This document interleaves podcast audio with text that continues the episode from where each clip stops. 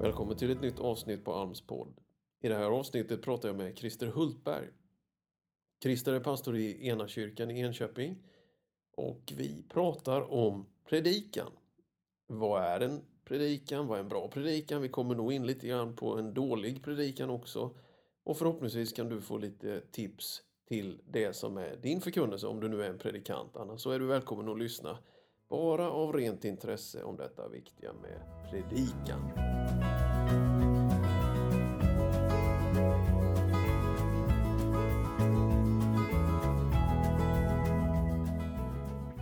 Välkommen till eh, podden, Christer Hultberg, pastor i Enakyrkan Enköping. Berätta lite om dig själv.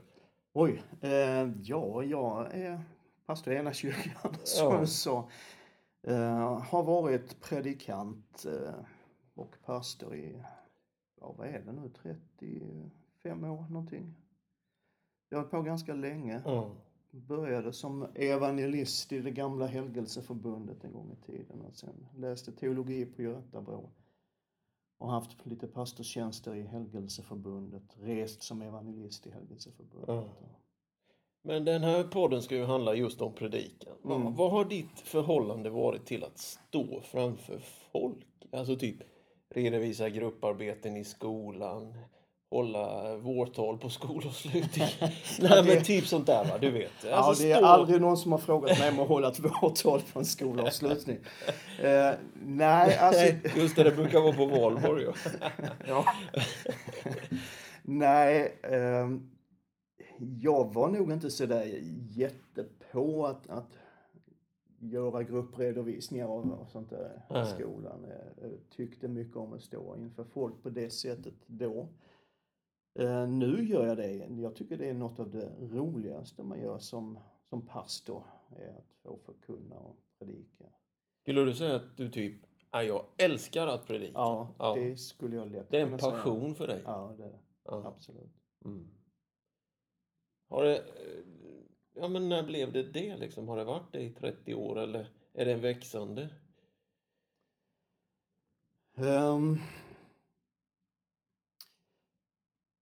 Nej, alltså jag, jag... Jag tyckte nog att det var rätt roligt redan när jag började. Ja. Sen, sen eh, ju mer man har lärt sig liksom hantverket bakom så på ett sätt blir det både lättare och svårare med åren. Precis. Men eh, nej, jag tyckte nog det var roligt och det, det har liksom aldrig försvunnit. Eh, ibland har man ju lite tuffare tider i, i, i en pastorstjänst och så här men, men just själva predikan har alltid varit en glädje för mig. Ja. Brukar du säga att du är, ja där, vi pratar om kallelsen, den här inre rösten, att göra något med sitt liv, tjäna Gud som predikant i det här Mm. fallet. Då. Är det predikantskapet eller pastorskapet som ja, väger över för dig eller? Eller hänger det Jag tycker det är, det är lite svårt att skilja på det. Ja. Ehm, det, det hör ju nå- någonstans ihop. Alltså du, du, pastorskapet, herdeskapet utövas ju också ifrån talarstolen genom Ja. predikan. Alltså ledarskapet ser jag att man utövar Ja.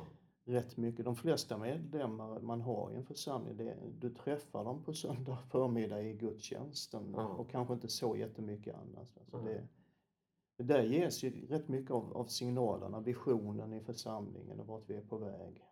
Alltså jag, jag har nog svårt att skilja på det. Mm. Men av alla arbetsuppgifter som in, ingår liksom i, i en pastorstjänst så är det för mig nog predikan som Ja. jag tycker är roligast. Ja, så, så då är det ju ett hyfsat bra ingångsvärde i det här samtalet. Att här sitter en, till och med två predikanter som tycker om att predika. Ja. Det kan vara en börda, det kan liksom pressa en om man ska liksom förmedla någonting. Men det är samtidigt en passion och en glädje. Mm. Och stor del av eh, uppgiften. Liksom. Eh, om, man, om man får gå vidare då lite och så fundera över det här. Vad tycker du är en riktigt bra predikan? Ehm, det tycker jag är dels någonting som, som bygger en kunskap omkring Guds ord. Ja. Ehm, bygga en kunskap om vem, vem Gud är och vem jag är i förhållande till Gud ehm, som människa. Ehm, Men som också är praktiskt applicerbart. Det finns någonting i förkunnelsen som jag kan ta hem och, och göra eller leva på något sätt. Um, Förankrat i Bibeln men det har något med nuet att göra. Ja. Alltså kunskapen i sig själv är rent teologisk kunskap, den, den kan väl vara nyttig men, men någonstans så tror jag att, att man måste, måste liksom transformera de eviga sanningarna in i en vanlig människas vardag. Mm. Hur gör man det? Um, för det, det, jag tänker att det är helt rätt, men jag tänker också att det är ju rätt svårt alltså att, att ta ja, berättelser i Gamla Testamentet och så ska de ha att göra något med en generation som är på Insta och Snap. Och... Jo, men alltså även, även de här berättelserna i Gamla Testamentet, kanske inte alla, men, men många, många av berättelserna både i Gamla Testamentet och, mm. och Nya Testamentets berättelser handlar ju om rätt vanliga människor. Och um, så mycket tror jag inte människan har förändrats. Alltså frågorna som finns i människors liv är på det stora hela de samma. Det är väl detaljfrågorna som, som liksom justeras. Varför finns jag till? Ja, men någonstans är ja, det ju det. Ja. Um, och där, där, där finns det ju liksom det finns egentligen ett svar på dem i, i Guds ord men det finns många olika sätt att berätta dem utifrån från de olika bibelberättelserna. Ja, Um, Men innebär det att du läser mycket, vad ska man säga, nyheter, försöker följa med musik, mm. kultur, för att ha det, vad ska man kalla det, ja men den, det är registret också? Då. Jo men det, det, tror jag man måste göra, alltså följa med i vad som rör sig mm. i samhället. Mm. Uh, aktuella frågor, lite strömningar och, och så mm. som finns, trender i, i tiden. Och, och så, sen, sen är det klart, alltså jag, jag, är ju, jag börjar ju bli äldre, jag är äldre. Och, så där. och det är klart att, att det som är ungdomskulturen idag har man kanske inte så jättemycket koll på. Men, men, eh, det finns andra som kan hjälpa en med det lite. Ja, förhoppningsvis. men du, när tycker du då liksom att ja, det här blev en bra predikan. Det är alltid, man dömer sig själv rätt hårt, det är min erfarenhet. Mm. Att man själv kan vara ganska så dissekerande av sin egen predikan. Men när tycker du själv liksom att det här, ja, den här satt liksom? Det här. Vi talar om någonting också som kallas, eller benämns, smörjelse, välsignelse. Man ändå mm. känner i den här stunden, det här är större än mina egna tankar. Ja. Allt det där finns ju också. Och sen då kunskap och applikation. Ja, men jag... Alltså när man känner sig nöjd, det, det är inte jätteofta nej, då, nej. Men, men, när man gör det så, så, så, är det väl någonstans... Alltså när, när jag börjar förbereda en predikan eller en predikoserie så är ju den första frågan man ställer, vart vill jag komma? vad är min poäng någonstans? Mm. Mm. Och vart vill jag att den poängen ska leda? Um, och när jag känner efter en predikan att, att det jag bestämde mig för att dit vill jag komma, det här är själva grejen. Det här vill jag att det ska landa i församlingen. Om man upptäcker att det gör det, då, då kan jag känna mig nöjd. Ja. Och det är ju grejen då att, att det är väldigt sällan man ser det resultatet direkt i gudstjänsten. Nej, precis.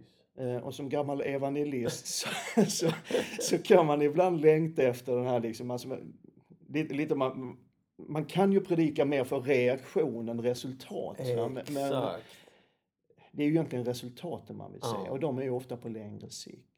Och där har du återigen fördelen av att vara ändå pastor, som du är med och bär en församling och du predikar. Det är liksom, du måste inte heller få den här snabba alltid heller, liksom, utan det är ju på sikt du bygger. Mm. Men det där tycker jag var väldigt bra. Hellre resultat än reaktion. Ja. Även om vi gärna vill ha ett ja, amen. Ja, ja. Jo, men det är klart. Va? Och det, det, jag vill inte på något sätt förringa det här liksom instant gudsmötet i, i, i själva gudstjänsten, att människor ger en respons där. eh, tror jag är väldigt, väldigt värdefullt därför att det hjälper oss att, att bygga resultaten. Ja, Alltså en överlåtelse, Ja. man tar, tar liksom ett beslut att ja men det här vill jag med mitt liv. Det ska man inte förminska. nej. Men det får inte stanna med det. Liksom. Nej, och man får kanske inte vara driven av det som predikant utan där måste man ha det här liksom med visionen eller det man upplever är tilltalet. Mm. Egentligen oavsett hur folk reagerar Mm. på ett sätt. För det är Mm. klart att ibland får man ju förmedla, jag vet, särskilt när man predikar textpredikningar som kommer in på strax här, så kommer man ju till passager som är de är rätt så svårtuggade och ger inte alltid värsta glädjekänslan utan de kan vara rätt så, så här imperativ och ja, tuffa puckar. Jo men så är det. Vi, vi är just nu inne i, i Jakobs brev och predikar oss igenom Jakobs brev. Ja. Och igår på gudstjänsten så predikade jag avsnittet om, om tungan. Ja, Eh, och det är klart att på ett sätt är, är det, det blir ju lite, lite tungt. ja, eh, någonstans. Men det som var väldigt roligt då, det är ju att Gud gör vad han vill. Så vi hade en, en dam, en medelålders dam som blev frälst ja. efter den predikan. Och jag tror inte att det var den predikan som, som byggde det, Ja, utan hon hade nog bestämt sig för det. förut. Men, men alltså någonstans så, så, så gudstjänsten och gudsmötet är inte bara predikan, men predikan är en del av det. ja. Det är ju jätteintressant det här.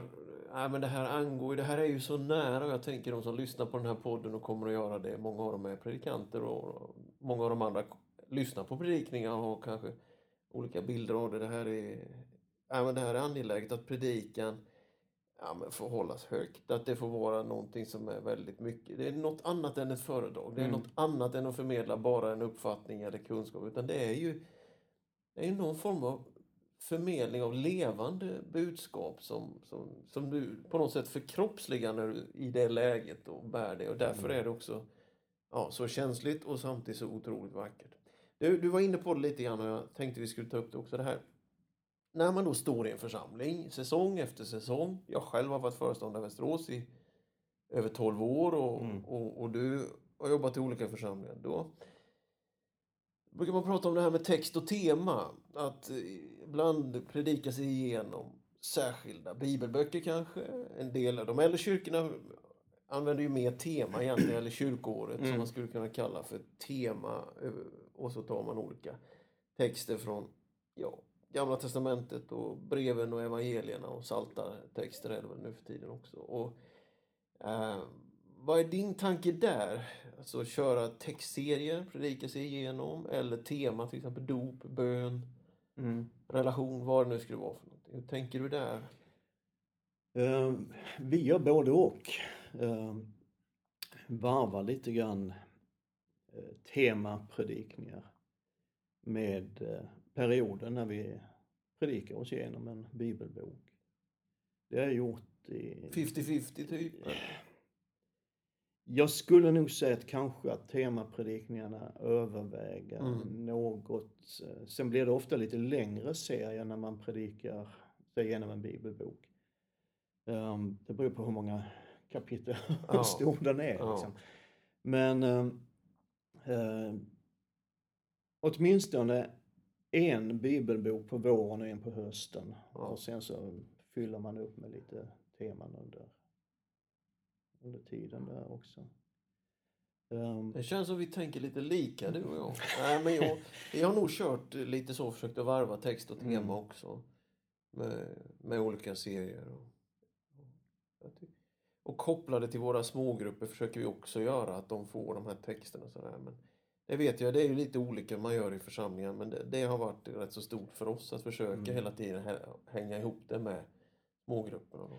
Jag märker ju det om vi lägger ut på hemsidan ibland vi har tryckt upp något litet blad över en sån här bibelbok. Ja. De olika söndagarna då blir det här textavsnittet. Att det är väldigt uppskattat och ganska många har jag förstått läser faktiskt texterna inför söndagen Ja. för att, Ja. att kunna hänga med. Det, det, kan ju vara ett litet tips liksom att låt, låt folk veta vad du ska predika. I förväg, Mm. ja. Och inte vara orolig för att de eh, sitter och granskar här då att de har kollat upp en massa bra predikningar på den texten. då. Ja, det avsnittet har han tagit från den predikanten som jag hörde på ungefär, Youtube. Ungefär. Nej, men vi har, vi har ju faktiskt också försökt att vänja oss själva vid det och ge ut texterna i veckan innan då, så att eh, smågrupperna kan läsa dem innan och den enskilde kan läsa dem Mm. innan. Det, nej, det bygger någonting och många får ju ut mer av predikningarna när de har läst den texten Mm. en gång innan. Det, Ja. det, det är ju gensvaret jag har mött i alla fall. Att då, det, det, är inte, man är lite uppvärmd eller vad man ska Mm. säga. Du? Men, eh, men när man ändå, det är klart att det här är det här, när jag har gästtalare, igen, jag har haft några gästtalare in i serier Mm. och det går ju bra. Men där märker jag ju att det oftast, jag vet inte vad din erfarenhet är, men jag tycker ju att det oftast blir bäst om en gästtalare får ge vad den personen på något sätt har som sitt lite mer livsbudskap. Ja. Liksom. Eh, Och sen får man som eh, så att säga, stationär pastor eh, mer stå för någon slags allroundhet i det. Mm. Det tror jag också. Det har, det har hänt vid några tillfällen att, att jag har bett någon att komma och tala i ett ämne som vi, vi ligger på. Det, Mm. det är här vi är. Ja, Som man vet har jobbat med det eller har, har någonting vettigt att säga omkring det. Men annars är det bara en random gästtalare så är det nog oftast bättre att de får predika där de är. Ja. Därför att, att liksom pastorsteamet i en församling som jobbar med en text eller ett textavsnitt, ja men vi är där. Ja. Lever i det Ja. just då, men Ja. det är inte säkert att en gäst gör. Och det där, nej, jag, nej det där är... Jag, jag, jag hade en till och med som, som lovade först, vi höll på med en serie och så skulle han komma. Så här. När han hörde av sig så Daniel, kan jag slippa? och jag sa, ja självklart. Det. För, för det är ju lite grann också med det här med, vi pratar om tjänstegåvor ibland. Om man är evangelist eller lärare, om man är Mm. profet, herde, apostel. Så har man ju utifrån det, man har ju någonting att ge utifrån den man är Mm. också på något. Som Gud har skruvat ihop en så på något sätt ger man det. Så jag har ju tyckt att man har mest utbyte om man ändå låter den få ytan där. Mm. Men samtidigt så blir det väldigt, väldigt lurigt. Ja, om du skulle stå i en församling i tio år och snurra runt på dina älsklingspredikningar, det Mm. går inte heller riktigt. Då Nej. kommer man att tömma folk. Alltså Ja, engagemanget och intresset, det, det dör undan. Det gör det. Och det, där tycker jag det finns en, en fördel i textpredikan, att predika sig igenom en, en bibelbok. Därför att du tvingas då att, att liksom brottas med, med texter som du kanske Ja, rent naturligt skulle vilja undvika. ja, Eh, Det är lite utmanande och lite roligt också. ja, verkligen. Men du, vad är ditt sätt, typ? Hur förbereder du en predik? Vad är ditt sätt till det? Är det, är det, är det under hela en hel vecka eller sätter du dig, nu gör jag det liksom? Skriver du ut ett färdigt manus eller stolpar? Och vad, är, vad är Mm. din pedagogik och vad är ditt förberedelsesätt? Alltså, jag predikar alltid serier. Det Ja. händer väldigt, väldigt sällan att det är liksom en predikan i något ämne eller så. Utan det, det ligger serier på, på en fyra, fem, sex Ja. söndagar.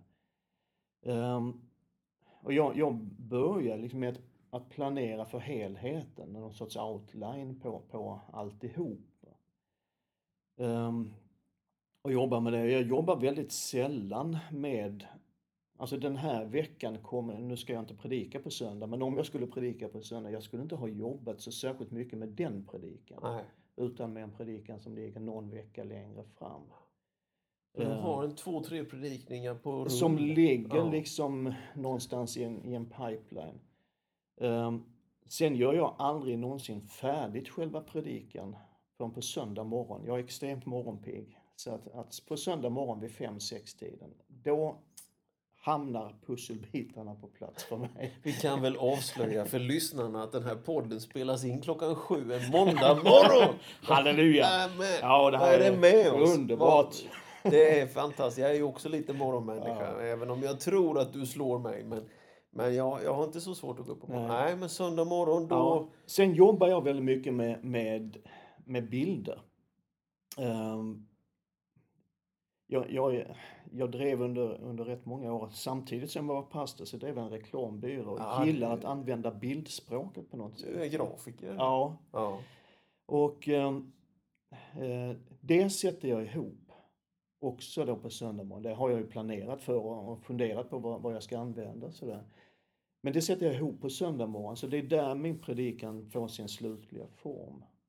Sen skriver jag i Keynote eller PowerPoint, vad man nu vill använda. Där skriver jag ett manus som är inte riktigt ord för ord, men nästan. Mm. Eh, För jag har märkt att ju längre jag har hållit på som predikant, desto lättare är det att bli helt spontan. Ja. Alltså det dyker upp Ja. grejer och ibland ska det få göra det. ja. Ehm, Men det är en hjälp för mig själv att hålla spåret, att ha de här bilderna. Församlingen tror att de är för deras skull, men de är mest för min skull.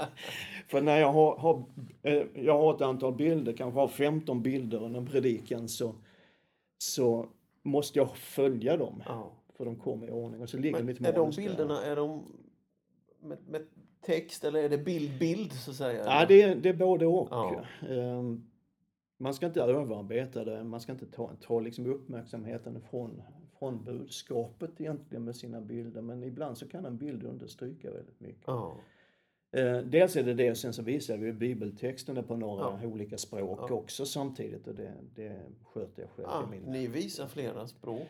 Ja, det gör Ja, vi. bra. Eh, Så många man får plats med Ja. på en slide.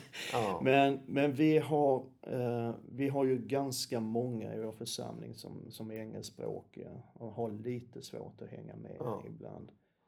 Eh, så då kör vi på engelska. Sen har vi ju i, i hela den här bygden finns ju väldigt, väldigt mycket människor som talar finska som mo- modersmål. Just det. Så just nu så har vi svenska, engelska och finska på, Ja. på skärmen. Ja. Och egentligen skulle vi behöva några språk till. Ja. Men, men, eh, Det är så det ser ut i många frikyrkor idag. ja. Och det är faktiskt fascinerande i Mm. sig. Men det är lite en annan podd också. Men, ja, men intressant. Du, eh, du förbereder dig i cykler uppfattar jag. Du, Mm. du förbereder flera, du jobbar med flera predikningar samtidigt Ja. och det ingår i någonting och du färdigställer sen då söndag morgon och sen Mm. är det det här mer exekutiva läget när du Mm. kör det. Hur länge predikar du som någon form av standard? Då? Ehm, ja du, vi, vi har någon sorts um, uttalad målsättning att ligga på 25 till 30 minuter. Det gör vi nog oftast, men det händer att det blir längre och det händer att det blir kortare också. Gör det? Ja. Nej, jättebra. TED Talks är väl 18 minuter. Det, Ja. det, Ehm, Fanns det inte någon studie om Svenska kyrkans präster fram till trosrörelsens predikanter? Att faktiskt så predikade längre och längre och längre. Och vi pingstpastorerna låg ju någonstans 30-40 där någonstans. ja. Och eh, från liv, trosrörelsen var det väl uppemot en timme. Jo, jo. Jag, Jag fanns någon hade sån ju, undersökning. Jo, men det, det stämmer. Jag har Ja. nog också sett och jag, jag, jag hade ju några år i, i en eh, trosrörelseaktig församling kan man säga. Vi predikade nog en timme där, Ja. eller 50 minuter i alla fall. Ja. Men eh, jag, jag, jag snubblade över ett citat en gång för ganska många år sedan och jag tyckte det var rätt, rätt bra. Jag kommer inte ihåg vem det var, men det var någon som hade sagt att varje pastor skulle tvingas att lyssna på sina egna predikningar. ja. Ehm, och det ligger väldigt mycket i det. Och Ja. då funderar man på, skulle jag själv orka lyssna på mig i 55 minuter? Liksom? Och- ja. Det är en väldigt värdefull fråga att ställa Mm. sig. Eftersom att det är... Eh... Nej, men det, det, det är klart att det, det är lätt att bli lite fartblind om man predikar mycket själv. Jag, jag själv hamnar ju i det läget där man är hemma och, och ute ganska mycket och predikar. Det blir ju att man lyssnar inte så mycket på andra trots allt. Mm. Utan man att säga, hör sin egen röst. Och det, ja, det är någonting som man behöver hålla koll på. Förra veckan var jag på ett ställe och då lyssnade jag på ett par stycken. Och det, det är värdefullt. Men samtidigt så kommer också den där och vad trött man blir av att bara sitta och lyssna. Ja. Får- Jo men det, det är ju det va, och det, Ja. det tänker man nog inte alltid Nej. på när man predikar själv. Men jag märker ju samma sak när jag lyssnar på andra. Ja. Liksom man, man, man kan vara- iväg på någon sån här studiedag, sen där man sitter på tre lektioner på förmiddagen och Ja. sen känner man, nej men nu har jag gjort den här dagen. Nej, det är nyttigt att Mm. reflektera så. Men det, du är någonstans runt en halvtimme kanske man kan ja, säga. det kan man ju säga. Det är nog ganska vanligt idag, tror jag, inom pingst, eh, frikyrkor. Jag Mm. skulle tro det. Och så lite variabel på det. Och man fångar lite tillfället beroende på vilken, om, om det är mycket annat och sådär i Mm. gudstjänsten. eh, Så får man kanske ibland också tänka på det lite. I varje fall tycker jag att man kan göra. Jag menar om det är tio pers som ska döpas och det är barnvälsignelser och det, det, det finns ju annat som pågår Ja, också. Så ibland ja. får man foga sig lite. Men du, går du alltid över när du landar din predikan i inbjudan till förbön eller gör du det för sig eller gör ni det inte alls kanske? Det är lite olika. Alltså vi, vi har ju någon sorts standardmall som vi, Ja, vi följer. Och där är det den som leder gudstjänsten som, som bjuder in till förbön. det gör inte alltid- predikanten då? Nej, inte, inte som de, det normala Nej, så. Men nej. sen så i, ibland så, så känner jag att jag vill göra det här och då tar jag det direkt i samband med predikan. Ja. Och så där. Eh, så där är, försöker vi väl vara lite... Och det där har ju också med att göra vad man har predikat. Ja. För om man går igenom ja, givande generositet och sen gör en inbjudan på det. Det blir ibland lite så här speciellt. Men, Ja. men däremot om det handlar kanske om tjänst, om tjänande, om det handlar om... Ja, men inte vet jag. Alltså det är ju som att vissa är ju mer... Att det är lättare på något sätt att göra en direktinbjudan, Mm. tycker jag. Det, Nej men det, det, det, det, beror på vad det handlar om. ja, någonstans. Och, och det, det kan ju också finnas i, i det du upplever att det är hit jag vill komma med den här predikan. Då kan det finnas en, en speciell utmaning, en överlåtelse till någonting. Och då tror jag att det är bra att man gör Ja, det som predikant. Sen har vi liksom, vi har bestämt, vi har alltid inbjudan till förbön oavsett vad, vad predikan har handlat om. Ja. Det finns alltid en möjlighet liksom att, att bli frälst eller vad det nu är som man vill ha hjälp med. Eh, bra. men sen är det ju inte alla predikningar som, som liksom genererar den typen av, av liksom, nu finns det någonting som jag måste ta en omedelbar ställning till här. Exakt, exakt.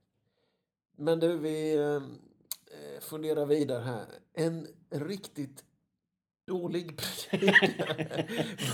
När enligt eh, Reverend Christer Hultberg är det faktiskt en dålig predikan? När, när, när blir det inte vad det ska? När det inte bygger på Guds ord skulle jag säga. Och när bygger det inte på Guds ord? När man står och berättar om sig själv, höll jag på att säga. Berättar historier. Ja, alltså det finns ju... Det fanns ju under, under en del år eh, en trend ibland oss, speciellt bland oss i pingströrelsen tror jag. Alltså det var mer life coaching. Tio Som- steg till utveckling. Ja, men lite så. Eh, och jag, jag tror ju att predikan på ett sätt ska vara life coachande. Men om jag kan höra samma sak när jag går, går på en kurs med mitt företag som jag hör söndag förmiddag så har vi missat någonting i den söndag förmiddagen ja, verkligen. Um, jag, jag, jag lyssnade på, på en, en predikan från en av de riktigt stora kristna konferenserna i vårt land här i somras. Där en, en inbjuden gästtalare talade i 40 minuter, eller om det till och med var 45, utan att läsa eller citera Guds ord. På en hel predikan så. Då skulle man nästan våga säga att det är ingen predikan. Nej, jag tycker Nej, inte att det är en predikan. Och det fan, var inget fel i det som sades. Men det, det, var, det var ju liksom mer lite roliga bilder och lite roliga eh, statements och one-liners och, och liksom pep-talk mer än, än, eh, än att förkunna Typ, Guds typ få igång åhörarna. Liksom. Ja, lite ja, så. Ja. Ehm, och då tycker jag att det han sa var bra. ja. Eh, men det var ingen bra predikan. Nej, nej. Eh, Och det tycker jag är viktigt. Alltså det, det är ändå Guds ord vi kallar det Ja. att förkunna. Jag gjorde en upplevelse, jag berättade för dig häromdagen, vet jag, en, en upplevelse för några år sedan. När vi var på semester, eller på stranden och lyssnade på en av mina favoritpredikanter som predikade över Romarbrevet om att e- e- evangelium är en Guds kraft. Ja. Men han stannade där. Evangeliet är en Guds kraft. Och sen, sen var liksom budskapet, liksom, det finns en kraft, det finns en power. Liksom. Du kan, du kan liksom, when you Ja, wish upon a star. Eh, li- Ja. Lite så va. Ja. Och så började jag tänka, men det här är inte evangelium. Nej. Därför att, att det det står i Romarbrevet är att, att evangeliet är en Guds kraft till frälsning. ja, visst. Och där måste du börja någonstans. Ja. Och då börjar jag reflektera över vad, vad är det jag själv predikar för någonting. Och insåg att, att det fanns rätt mycket av mer life coaching eh, Mm. så här, i min förkunnelse.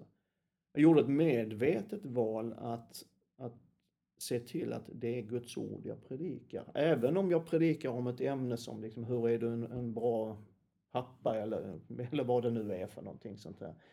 Så måste det vara baserat Ja. i Guds ord. Ja. Och, och inte bara liksom mina tankar och ett par bibelord som kan möjligen stödja vad jag tänker. Utan det är Guds ord som är basen Ja. vad vi predikar.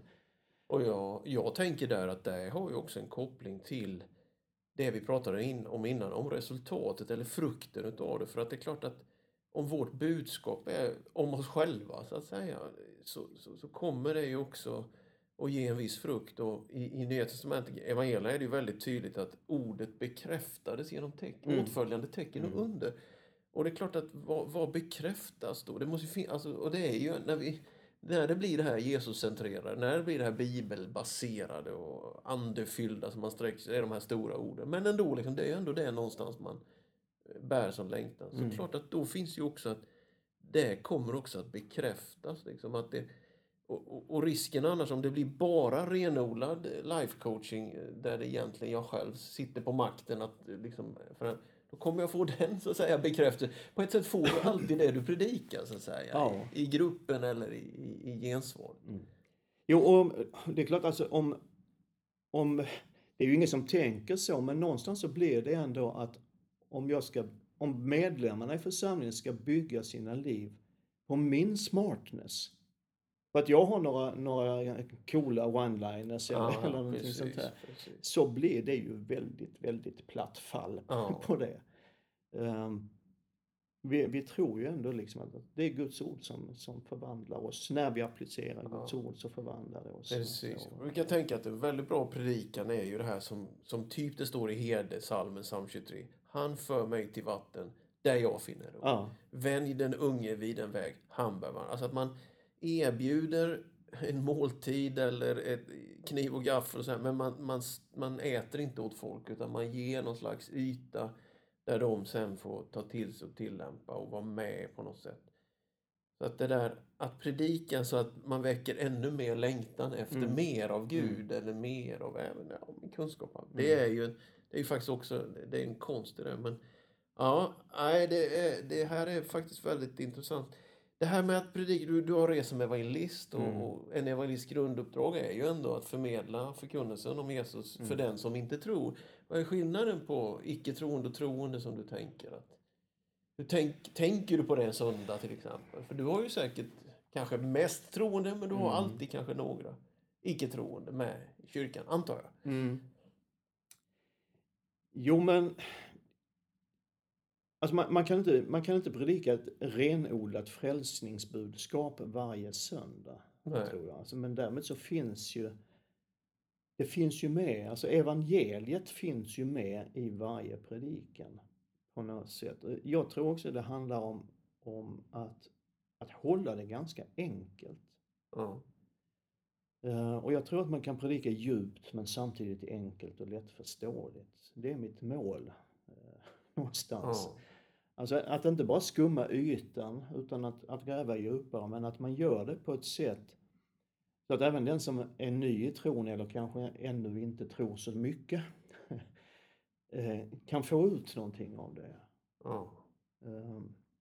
Ja, det, skulle man kunna använda orden proklamation, reflektion, lite som vi var inne på innan. Alltså någonting som är Jesus är Herre, tro på Herre Jesus som är men någonting som också väcker lusten. Ja, men hur ser det, hur ser det livet ut eh, idag och Mm. imorgon och, och reflektera så här. Det, men det är ju en, det är en duktig utmaning. Du har olika åldrar, du har olika erfarenhet av kristen tro i Mm. rummet, du har personligheter, alla möjliga erfarenheter. Det är så hemskt mycket svårare blir det ju inte egentligen. nej.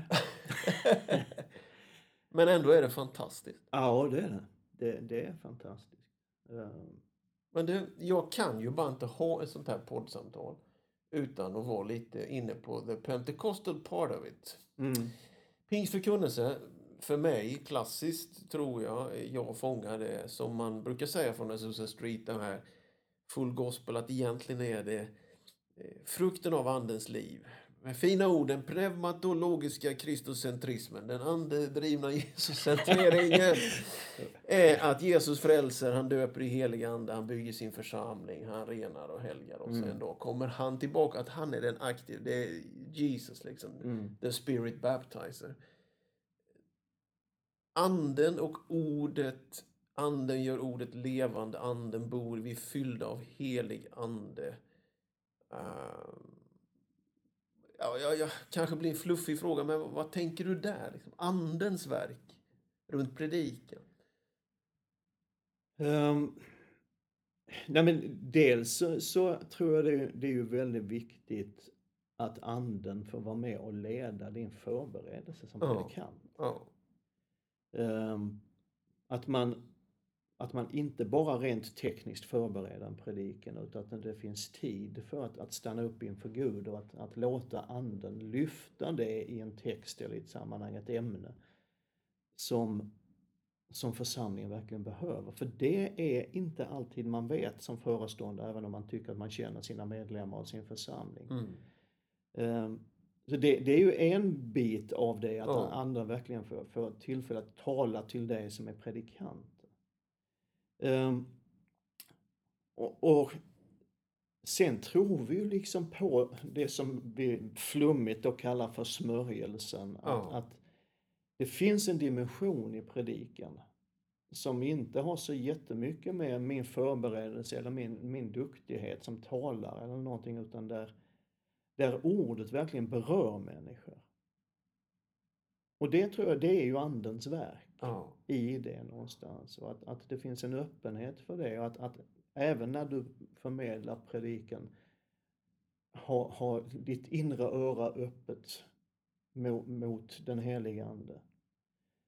Så att man ibland liksom lägger en betoning någonstans Ja. där, man, där man upplever att ja, men det här landar någonstans i människor.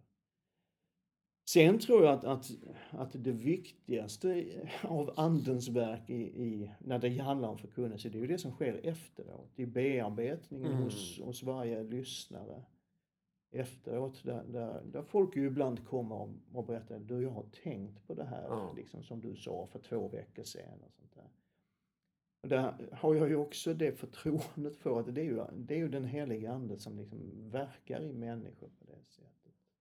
Lite så ja. tänker jag. Ja, det är jätte, jätteviktigt. Det är ju... Vad tänker du? Nej, jag tänker väl att ibland eh, känner man själv det väldigt märkbart. Det är som att det är som någon slags guldstund som predikant, att du själv i, i läget av att förmedla en förkunnelse upplever att orden tar iväg och de blir större än dina egna och Mm. du känner att det är något som sker. Något, man, man, man, det är någon slags nästan berusande erfarenhet eller hänförande i alla Mm, fall erfarenhet. mm. Du känner att oh, nu, nu, nu talar ändå Gud. Liksom. Det är som att man ställer sig vid sidan av sig själv. Och det är inte alltid man upplever så. Sen kan det, men det händer ibland och Mm. då tycker man att det är det tillhör någon slags höjdpunkter av detta att vara predikant. Sen ibland tycker jag det är så att man inte, det är som ett berg att bestiga eller en betongvägg att köra rätt i. Men ändå i efterhand, som du är inne på precis, så, så märker man att det sker någonting. Mm. Så man har ju också fått lära sig att inte tolka sin egen känsla för mycket utan verkligen smörjelse är en annan substans än känslor. Absolut. Och, och, och där har jag väl... Ja, men ibland blir man oerhört uppmuntrad men man har också fått lära sig att ibland när man själv känner det tungt så är det ändå till en väldig, kan vara, Mm. välsignelse och nytta. Du, ja, det är bra. Vi ska nog gå ner för landning. Här har du några tips, några boktips eller några allmänt tips så här förbered så Här blir du en bättre, på tal om life coaching. Kom igen nu. Fem steg- fem steg Fem till en steg bättre till bli predikan. bättre. Nej, men det är väl bra. Jag kommer att läsa en bok som heter Toward a Pentecostal Theology on Preaching. Den, den är sedan 2015 eh, av en snubbe då, Leroy, snubbe, förlåt, Leroy Martin, en, en teolog som skriver ut en slags, just det här med smörjelsen och det, att, lite grann en teologi och det. Jag tyckte faktiskt den var jätteintressant. Så det kan väl vara ett, ett litet tips till poddlyssnarna kanske. Men vad, vad skulle du vilja skicka med som rekommendationer? Ehm, Ja, men alltså det fin- finns ju hur mycket teologi som helst att läsa. Eh, Och Mm. det gör vi väl, antar jag. Ja, men en Men- bra predikant är nog mycket läsare. Jo, det tror jag. det tror jag. Ja. Jag skulle vilja slå ett slag kanske för att läsa eh, skönlitteratur. Ja. Um, därför att det utvecklar språket. Nu menar inte jag att man ska stå och låta som en poet i talarstolen. Men alltså, ja, varför inte? ja. Ja, alltså det, det Ja. beror på vem man är. Ja, det beror på vem man jag är. tror inte det skulle passa varken dig eller mig nej, faktiskt. Nej, men, nej, nej. nej, men, men alltså lä, läsa sånt som utvecklar dels ditt intellekt på, på olika plan, men, men också rent språkligt. Mm. Ehm, kan vara bra. Ehm, Ja, det där tror jag är ett jättebra tips. Och även eh, i, i renodlad retorik. Mm. Ehm, Aristoteles. Logos, etos och Ja, protos. Ja, jo. ja, visst. Absolut. och det som bygger vidare på Ja, det, ja. eh, tror jag. Sen tycker jag det, det är bra att lyssna på duktiga talare. Både rent profana, sekulära talare, men, men att lyssna på andra predikanter. Man lär Ja. sig alltid något. Absolut. Och i sämsta fall så lär man sig hur man inte Ja. ska göra. Eh, Men vi var ju inne på det tidigare, alltså man, man, vi lyssnar inte så jättemycket på, på andra predikanter men det finns ju ett, ett, ett utbud så att det faktiskt Ja. går att göra det. Ehm, jag, jag kan tycka att det är nyttigt att gärna lyssna på predikanter från en annan tradition än ens egen därför att det bryter lite grann i, Ja. i ens tankar och så. Det är väl kanske lite så jag gör. Tack Christer Hultberg. Jag tror att vi landar vårt poddsamtal så. Mm, tack. Lycka till med dina och alla ni poddlyssnare med alla goda predikningar som är framför. Ja, men det är ett jätteviktigt uppdrag. Mm. Och ett fantastiskt uppdrag. Det är det. Predika.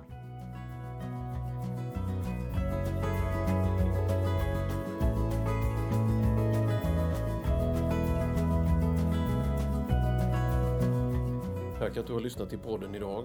Gud välsigne dig.